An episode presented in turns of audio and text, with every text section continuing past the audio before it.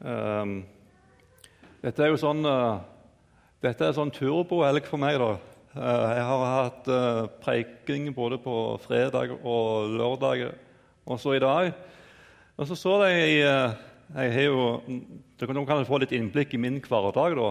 Når jeg da skal preike på søndag formiddag, så har jeg en sånn runde på lørdag kveld etter at alle andre er i seng. Så, så sitter jeg og forbereder meg til, til søndagens tale. Jeg har som regel da gjort et, et, et uh, lite forarbeid før, men jeg trenger iallfall en liten gjennomgang da.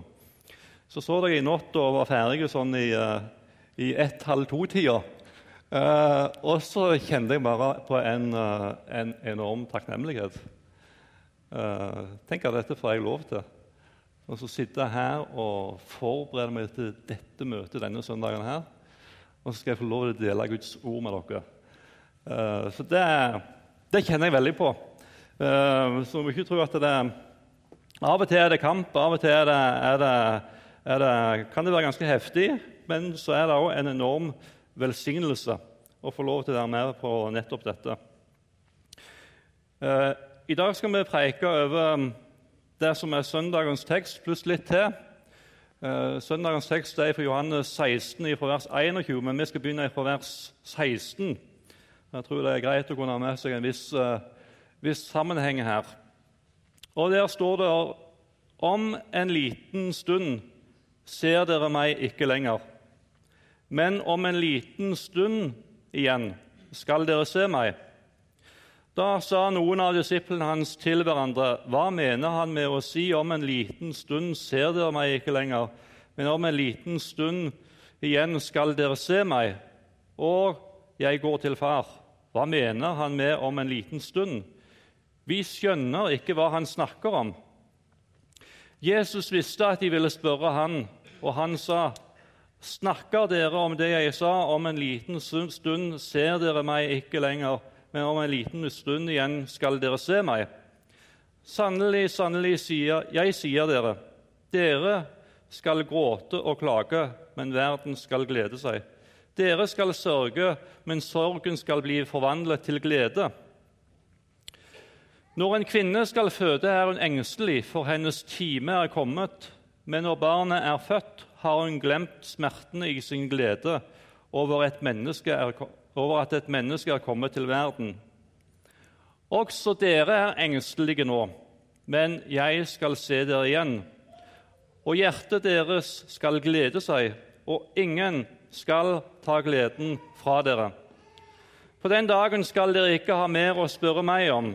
Sannelig, sannelig, jeg sier dere, hvis dere ber Far om noe, skal Han gi dere det i mitt navn. Hittil har dere ikke bedt om noe i mitt navn. Be, og dere skal få, så gleden deres kan være fullkommen.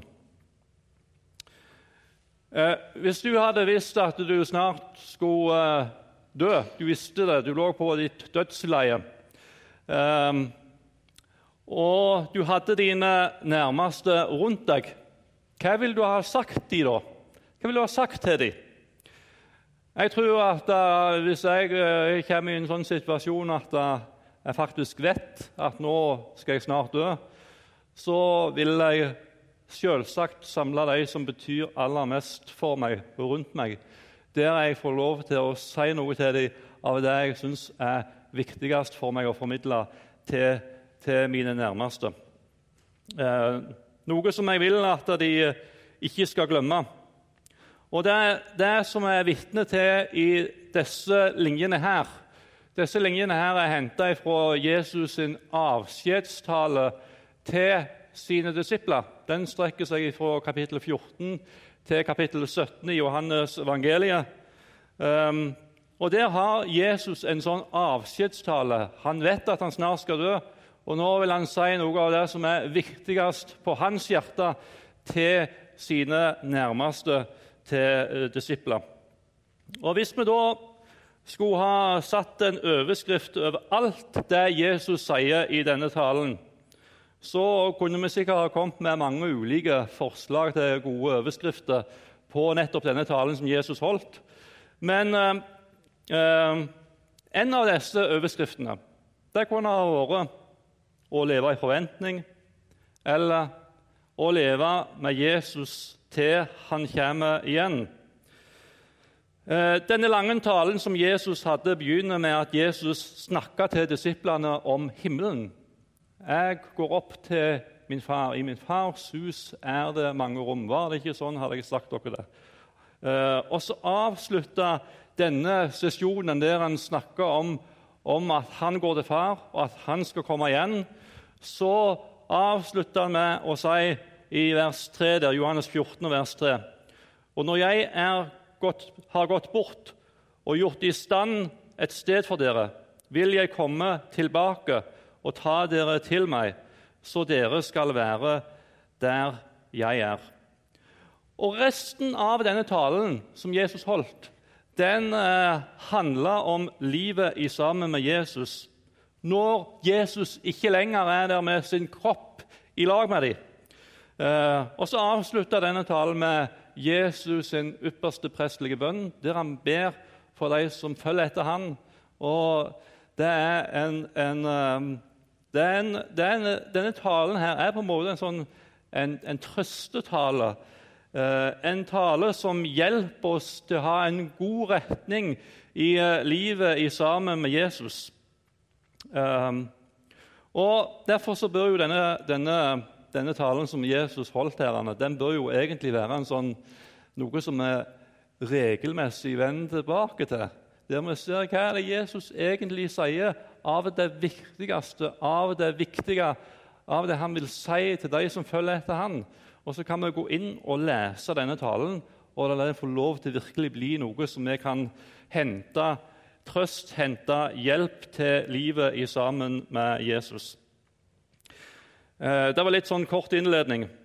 Og Så skal vi gå inn på denne teksten. her, for Jesus han sier noe her. Om en liten stund ser dere meg ikke lenger, men om en liten stund igjen skal dere se meg.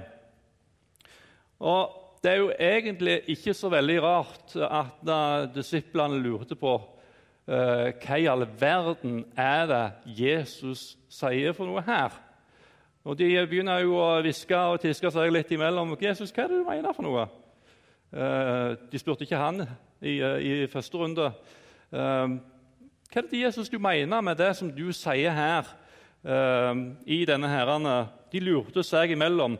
Hva er det Jesus egentlig mener med det. Og jeg tror Hvis jeg hadde vært i deres sko, så hadde jeg lurt på det samme som disiplene lurte på. Og Jesus han visste jo at disse her disiplene de prata seg imellom om, uh, om, det som Jesus uh, hadde sagt. Og han uh, fører ordet videre der han forklarer disiplene hva han mente med det han sa.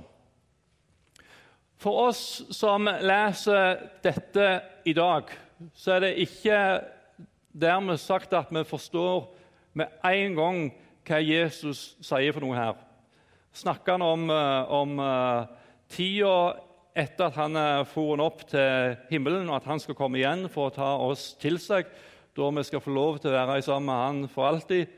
Uh, eller taler han om hans lidelse og død? Han skulle bli tatt ifra dem, og så skulle de igjen få se han igjen. Hvis vi prøver å Det fins ulike måter å se dette på. Men hvis vi prøver å se dette litt ifra disiplene sitt synspunkt, da får vi kanskje et klarere bilde av det Jesus her sier til disiplene. Og Det første jeg har lyst til å si om Jeg har to punkt her i dag. Jeg pleier å ha tre punkt, men jeg har to punkt. Det første punktet er en glede som varer evig. For det er det Jesus snakker om her.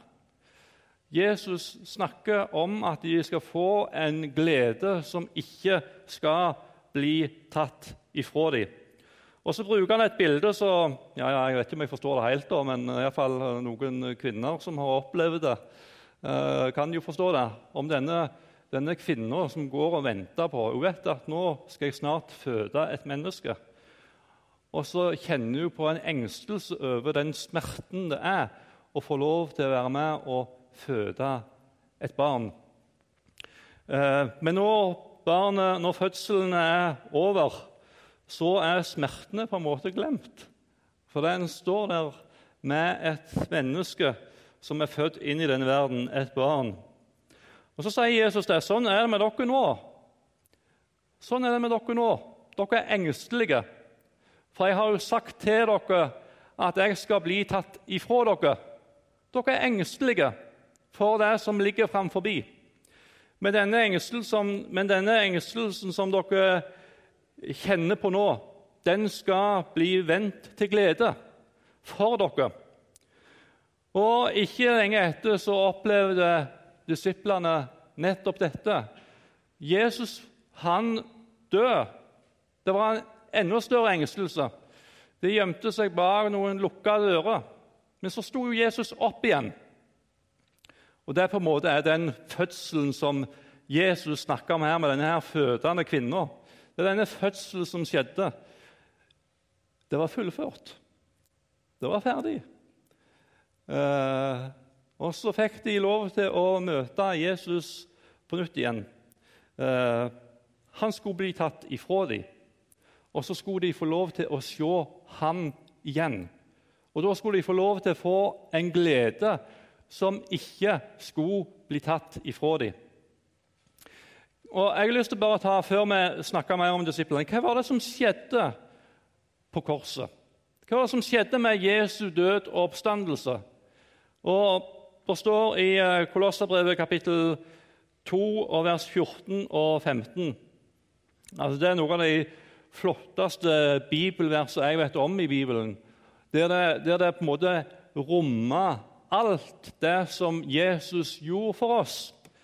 Gjeldsbrevet mot oss. Altså, Vi har jo alle et sånt gjeldsbrev mot oss. Alt det vi har gjort av alle ting i livet. Det er et sånt gjeldsbrev som vi har mot oss. Hva står det om det? Det slettet, det slettet han, det som var skrevet med lovbud. Han tok det bort fra oss da han naglet det til korset.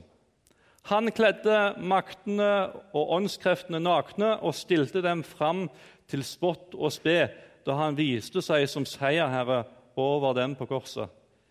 Jesus han vant virkelig en fullkommen seier på korset.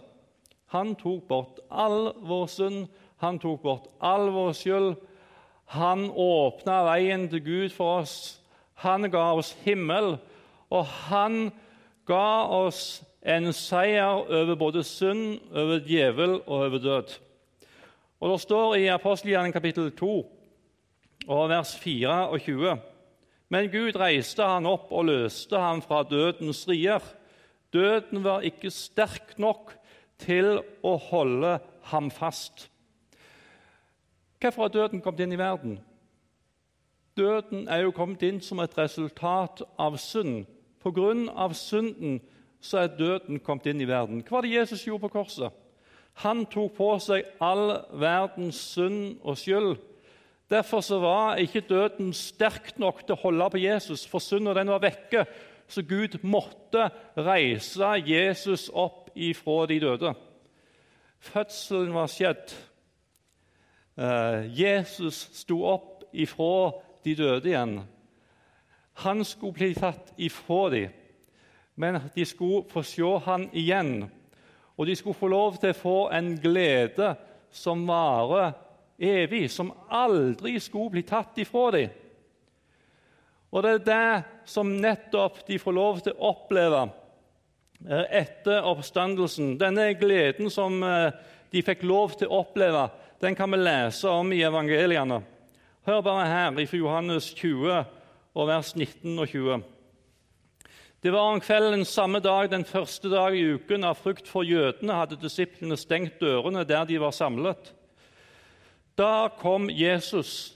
Han sto midt iblant dem og sa, 'Fred være med dere.' Og da han hadde sagt det, viste ham den sine hender og sin side. Disiplene ble glade da de så Herren.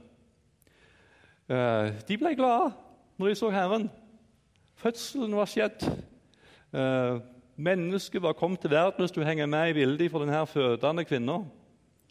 Jesus var virkelig oppstått ifra de døde. Og den gleden kunne ingen ta ifra dem. Eh, De møtte den uh, tomme graven. Maria møter Jesus utenfor grava. Emmas-vandrerne møtte Jesus da han brøt brødet, og så sprang de tilbake igjen til Jerusalem for å fortelle om den oppstandende frelser. Møtet med den oppstandende eh, frelser skapte en glede i deres hjerte. Så sitter vi altså her, da, i eh, år 2015. Det er, jo, det er, jo, noen år siden dette her skjedde. ikke sant? Det er en god del år siden dette, dette skjedde. Uh, men Jesus han lever fremdeles. Han, uh, det var ikke sånn at han uh, levde bare litt etter at han sto opp ifra dem. Men Jesus lever virkelig fremdeles. Han vant over, over synda, han vant over djevelen, han vant over døden. Kan noen ta ifra oss denne gleden? Kan noen gjøre det? Ingen kan gjøre det. Og Det er faktisk en glede som ikke tar slutt. Aldri tar den gleden slutt som Jesus ga til oss. Jesus han er virkelig den han sa at han var. Han vant over misen. Han vant over misen. Han tok all misen bort. Han vant over døden. Jeg har håp om et evig liv. Djevelen er beseira, og denne seieren den har han gitt til meg. Og den er ikke bare en sånn kortvarig seier, men det er en endelig seier. Eh, når jeg forberedte meg til denne talen, så, så kom jeg til å tenke på at vi snart skal feire jul. Um, og Da husker jeg tilbake igjen til min oppvekst. Da fikk jeg det privilegium å være med mine foreldre av og til på møte. Og så var det av og til noen av oss her som var litt eldre enn meg, da, som, eh, som delte noen uh, vitnesbyrd. Og noen av disse vitnesbyrdene som ble delt, de sitter som spikra i minnet mitt. Og Et av disse vitnesbyrdene som ble delt, var ei, ei dame som sa det at det er, går ikke an, sa hun, å feire jul uten å tenke på påske. Og det går aldri an heller å feire påske uten å tenke på jul. Uh, og Den, den setningen der, den har, den har hengt seg i minnet mitt fra min oppvekst. Og så er det jo helt sant. Um, det er jo helt sant. Du kan ikke høre englene sin sang på Betlehemsmarka, som sier det at i dag er det for dere en frelser, uten å tenke på den lidende Jesus som hang på korset for oss. Du kan ikke stå der ved krybba til Jesus og tenke på hvem i all verden er dette uten å tenke på den tomme grav, der Jesus ikke lenger ligger i grava. Så når, vi skal inn og, i denne, i denne adventstida, når vi skal få lov til å feire jul, så er veien kort ifra jul til påske, der vi virkelig får lov til å se den oppstandende, den levende frelser. Sorgen blir vendt til glede, engstelsen til frihet. Og Så skal vi lese et lite avsnitt som jeg også synes er utrolig flott fra Romerbrevet kapittel 8, og vers, fra vers 35. Uh, hør hva det står her. Hvem kan skille oss? Og Her kan du se dette er da en glede som ikke kan bli tatt ifra oss. Ikke sant? Hvem kan skille oss fra Kristi kjærlighet? Nød, angst, forfølgelse, sult, nakenhet fare eller sverd. Som det står skrevet, for din skyld drepes vi dagen lang, vi regnes som slaktesauer. Men i alt dette vinner vi mer enn seier ved Han som elsket oss. Og så har jeg si her, for jeg er viss på at verken død eller liv, verken engler eller krefter, verken det som nå er, eller det som kommer, eller noen makt, verken det som er i det høye eller i det dype, eller noen annen skapning, skal kunne skille oss fra Guds kjærlighet i Kristus Jesus, vår Herre. Ingenting kan ta gleden ifra oss. Ikke engang døden. Den gangen når jeg, eh, Noen tenker jo at det er jo den største, det er den største sorgen en kan oppleve, å dø. Men vet du hva? Da bare fortsetter gleden for oss. Da bare fortsetter gleden. For hvor er det da jeg er hen? Jo, da er jeg hjemme hos Gud. Gleden skal aldri bli tatt ifra oss. Um, og Det var den gleden de fikk, en, de fikk oppleve da Jesus sto opp ifra de døde, da de fikk lov til å se han igjen. Dette som jeg nå har delt, det er julens budskap i et nøtteskall. Se, jeg forkynner dere en stor glede, en glede for alt folket. Og det er en glede som aldri tar slutt, men som varer evig. Det neste som jeg har lyst til å si litt om, eh, det er det Jesus eh, sier noe om herrene, om å, om å be i Hans navn. På den dagen skal dere ikke ha mer å spørre meg om. Sannelig, sannelig, jeg sier dere, hvis dere ber Far om noe, skal Han gi dere det i mitt navn. Hittil har dere ikke bedt om noe i mitt navn. Be, og dere skal få, så gleden deres kan være fullkommen. Etter Jesu oppstandelse så hadde ikke disiplene den samme muligheten til å spørre Jesus på den måten som de hadde gjort før. Da, jo, da gikk de jo i med Jesus hele tida. Eh, når han eh, vandra her nede på jord, så spurte de hele tida. De var i en sånn tett relasjon med Jesus. Og På den dagen altså, når Jesus har stått opp ifra de døde og han for opp til sin Gud og sin far i himmelen, så er det et nytt element som kommer inn i deres liv der de ikke lenger skal spørre ham på den måten som de har gjort før, men de skal få lov til å be i hans navn til vår Gud og vår Far i himmelen. Um, og Hva betyr det da? Hva betyr dette uh, som Jesus her sier?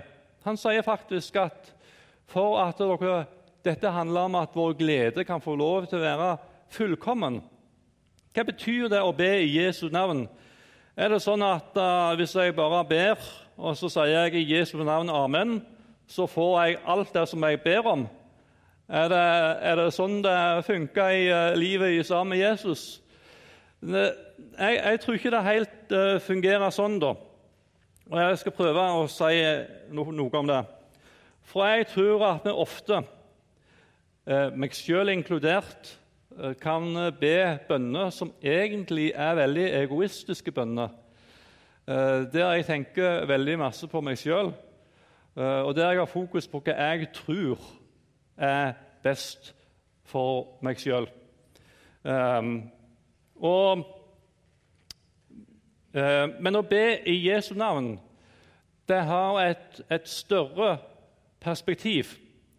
Uh, og Det står et vers som sier noe om dette, og som også er et enormt løfte.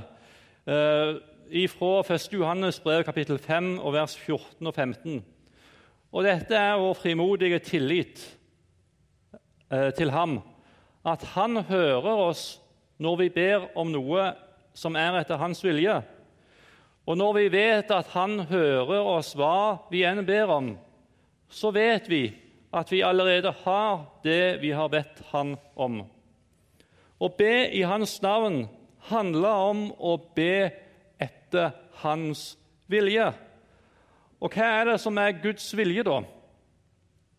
Hva er det som er Guds vilje? Det kan være ganske mange forskjellige ting inn i ulike situasjoner. Hvis vi, hvis vi skal sette en overskrift over hva er det som er Guds vilje, så koker det ned til én ting. Og det er at det er Guds vilje at Jesu navn skal bli herliggjort på jorda. Det er Guds vilje nummer én at Jesus sitt navn skal bli herliggjort på jorda. Eh, og Da får dette verset her en helt annen dimensjon. Jeg skal få lov til å be etter det som kan være med og herliggjøre Jesu navn på jorda. Og Hvordan er det at Jesu navn kan bli herliggjort på jorda? Det kan skje gjennom mitt liv. At han får enda større plass, at han får enda større rom i mitt liv. Og Hvordan er det at det kan skje, da? Eh, av og til så tror vi at vi vet hvordan det best skal skje. Men det er ikke alltid vi vet det. Eh, jeg skal si litt om det litt senere. Men så handler det òg om hvordan er det Jesu navn blir herliggjort. Jo, det blir herliggjort ved at hans navn blir kjent for nye mennesker. At nye mennesker får lov til å møte Jesus, at nye mennesker får lov til å ta imot han i sitt liv. Da blir Jesu navn virkelig herliggjort på jorda. Um, det er ikke alltid at vi vet hva som er best for oss sjøl. Det er ikke alltid. Men uh, av og til så tror jeg at jeg vet det veldig godt sjøl. Okay, nå er jeg i denne situasjonen her. Og det kan være mange ulike ting som kan være veldig krevende situasjoner for oss. F.eks. hvis en da er syk, så tenker en at uh, det beste det er jo at jeg får bli frisk igjen. ikke sant? Uh, da blir jo Jesu navn herliggjort, da får jo han gripe inn med sin helbredelse. Uh, men så er det ikke sikkert at det er det som Gud har tenkt med mitt liv. Men da å få lov til å lene seg over på Gud og si det til Gud at du, Gud, du har faktisk full kontroll over livet. Du er herre over liv, du er herre over død. Det er deg jeg tilhører. Nå må du la den situasjonen som jeg er midt oppi, resultere i at ditt navn blir herliggjort på jorda. Hva du gjør du da? Du gir Gud kontroll. Ikke sant? Du gir Gud, og du behandler Gud som Gud. Av og til er vi Gud i våre egne liv. Ikke sant? Men Gud vil faktisk være Gud i mitt liv. Han vil at jeg skal overlate mitt liv til han og si det er du som er Gud. Det er du som er herre over liv og død. Det er du, Gud, som vet hvordan ditt navn skal kunne best mulig bli herliggjort på jorda gjennom mitt liv. Um, og da tror jeg det Jeg, jeg tror jo at det er mulig uh, i større og større grad nå, jeg, nå må jeg holde meg godt fast her jeg tror det er mulig i større og større grad å be bønner som ordrett er etter Guds vilje. Og nå skal du høre etter hva jeg sier her. Hvilken måte er det da det kan skje på? At vi ber bønner som i større og større grad er i tråd med det som er etter Guds vilje. Eh, den måten som jeg eh, tror at dette skjer på, det er at vi begynner eh, hvor, er det vi finner Guds vilje hen? Nå ser dere ikke heller i hånda mi. Hvor er det jeg finner Guds vilje hen? I Guds ord. I denne boka her så finner jeg Guds vilje. Og vet du hva vi trenger da? Hvordan kan jeg da be bønner som er til Guds vilje? Jo, jeg, skal, jeg, må, jeg må dukke ned i denne boka her. Sant? Jeg må dukke ned i denne boka her. Jeg må la denne boka her få lov til å fylle mitt hjerte og mitt sinn. Og jeg, jeg tror vi aldri kommer i mål til å kunne virkelig forstå helt og fullt ut Guds vilje.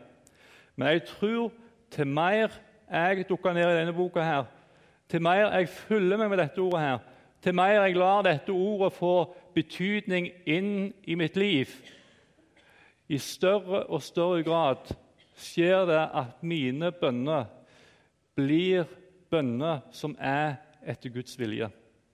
Henger dere med? Jeg håper dere henger med. Så min anbefaling til dere alle sammen det er å dukke ned i denne boka her. Dukk ned i Guds ord. Dukk ned i Bibelen Og ikke bare les det som en eh, annen avis, men les det som Guds ord. Og la dette ordet få lov til å fylle ditt hjerte og ditt sinn, og la det få betydning for ditt liv. Så kan du få lov til å være med og be bønner som er etter Guds vilje. Um, og Det skjer noe også med, med, relasjonen til Gud. Da. Det skjer noe med relasjonen til Gud, der jeg får lov til å be bønner som er etter Hans vilje. Og jeg kommer inn i en sånn, i en sånn fred. Jeg vet ikke om jeg henger med. Du kommer inn i en sånn fred der jeg, der jeg, får lov til å lene meg over på Gud, der jeg får lov til å stole på Han, det gjør Gud virkelig til den Han er. For Gud er virkelig Gud. Vi kan ikke kommandere på Gud, men vi kan søke Hans ansikt, og vi kan få lov til å overlate vårt liv i Hans hender. Ehm, jeg må prøve å runde av dette etter hvert, ehm, men jeg har, jeg har bitte lite grann til. Jeg skal si litt om bønn for mennesker som ikke er frelst.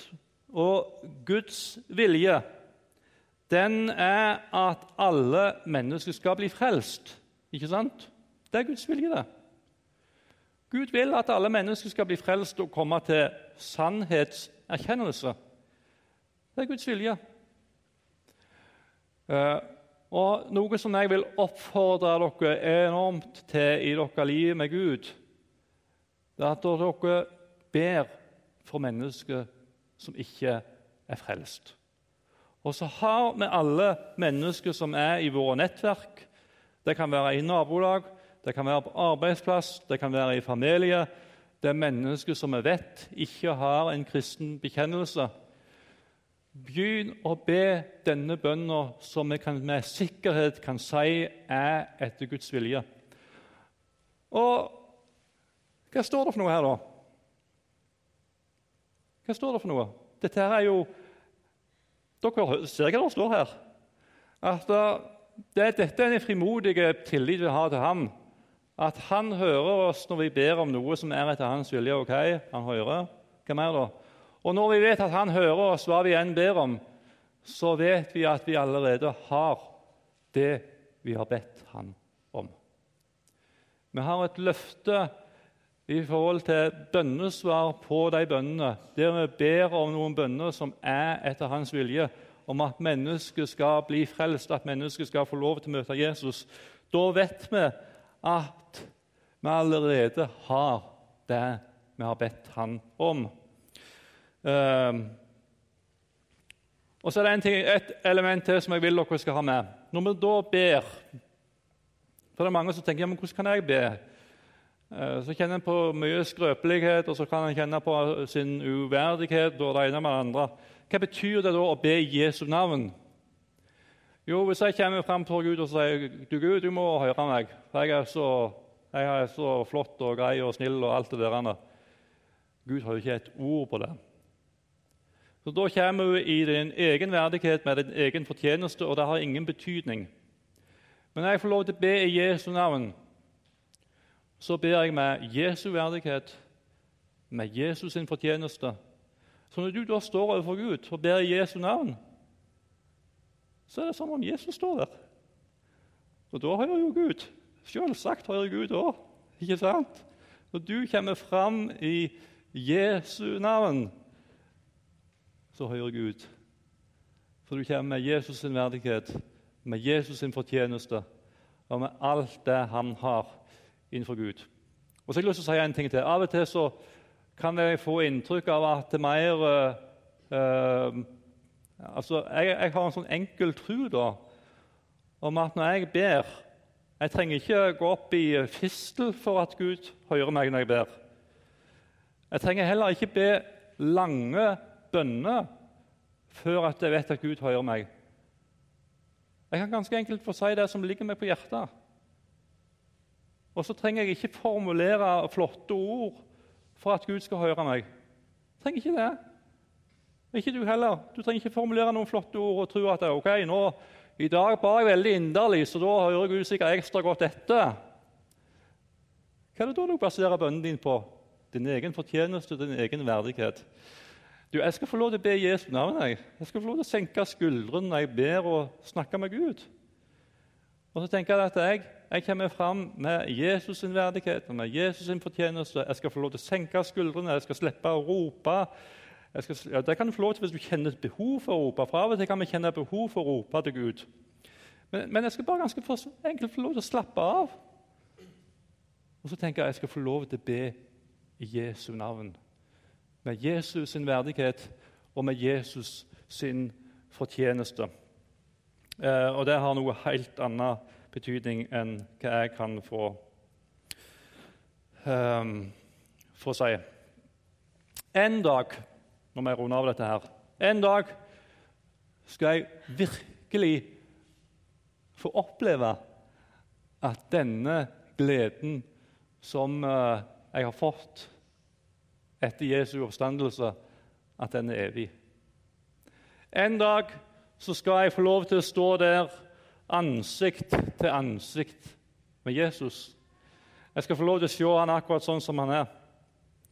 En dag så er det ikke lenger nødvendig å be om noe i Jesu navn. En dag så er jeg hjemme ved målet. En dag så skal jeg aldri mer klage. Jeg skal aldri mer ha sorg. Jeg skal aldri mer ha tårer jeg kommer hjem til Gud. Og vet du hva? Jeg ser så utrolig fram til den dagen. Jeg er, jeg er, glad i livet. Jeg er glad for at jeg lever. Jeg, jeg, håper, jeg håper jeg får mange år igjen ennå før jeg skal vekk fra denne jorda her. Uh, men det er det Gud som bestemmer. Men, men jeg, ser utrolig fram til da, å få lov til å komme hjem til Gud. Og få lov til å oppleve i fulle drag at den gleden som Jesus har gitt til meg, at den virkelig var evig. Og så har jeg lyst her bare ganske enkelt til slutt Om det er noen her som ikke kjenner Jesus, og som ikke har fått denne gleden som virkelig er evig, så har jeg lyst til å si at denne gleden er for deg. Jesus han ønsker virkelig fellesskap med deg. Jesus han ønsker virkelig å komme i kontakt med oss. Når, nei, når vi er sånn, en sånn gjeng med folk sånn som her i dag Jeg har ikke kontroll på hvem som er her, og hvem eh, folk er, og hva livssituasjon folk er i. Men det kan jo være noen sitter her som vet at de hadde en mor. De hadde en far. De hadde noen av, av slektningene eller noen som de har hatt en tett relasjon med, som de vet. De har bedt for meg. De har bedt om at jeg må bli en kristen de har bedt at jeg må få lov til å begynne å tro på Jesus. Jeg har lyst til å si kanskje det er denne dagen her i dag da svaret på de bønnene som de ba, skal bli virkelighet. Der du åpner ditt hjerte for Jesus, og så sier du, 'Jesus, jeg ønsker virkelig å ta imot denne gleden som er evig, som aldri forsvinner.' 'Jeg ønsker å lukke deg inn i livet mitt og inn i hjertet mitt.' Jeg ønsker å invitere deg til Jesus. Han ønsker virkelig at du skal bli hans. Jeg vet ikke hva livet ditt har vært, jeg vet ikke hva du har gjort, men du kan være helt sikker på at når Jesus hang på korset, så var alt det du har gjort i livet, som ikke er gode ting, det var der oppe. Han tok det bort. Han nagla deg til korset. Du kan få frihet. Du kan få denne gleden som varer evig som Jesus ønsker å gi til deg. Og Herre Jesus, vi bare har lyst til å takke og prise deg for din godhet og for din nåde. Og takk for denne gleden som du har gitt oss, som varer evig. Takk for at vi skal få lov til å be i ditt navn, Jesus. Uh, ikke med vår egen fortjeneste og vår egen verdighet, men skal få lov til å be i ditt navn, Herre. Og Det er utrolig godt at vi skal få lov til å gjøre. Eh, få lov til å snakke med deg, Gud, og vite at du hører oss, enten vi har en god dag eller vi har en dårlig dag, eller vi klarer å formulere oss godt eller ikke.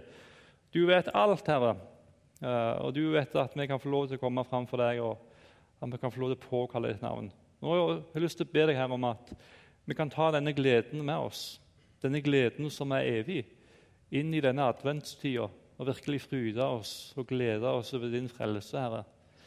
Og Er det noen her som ikke kjenner deg, Jesus, så ber vi at dette kan bli en frelsens dag, Herre, for deg i deres liv, i ditt navn.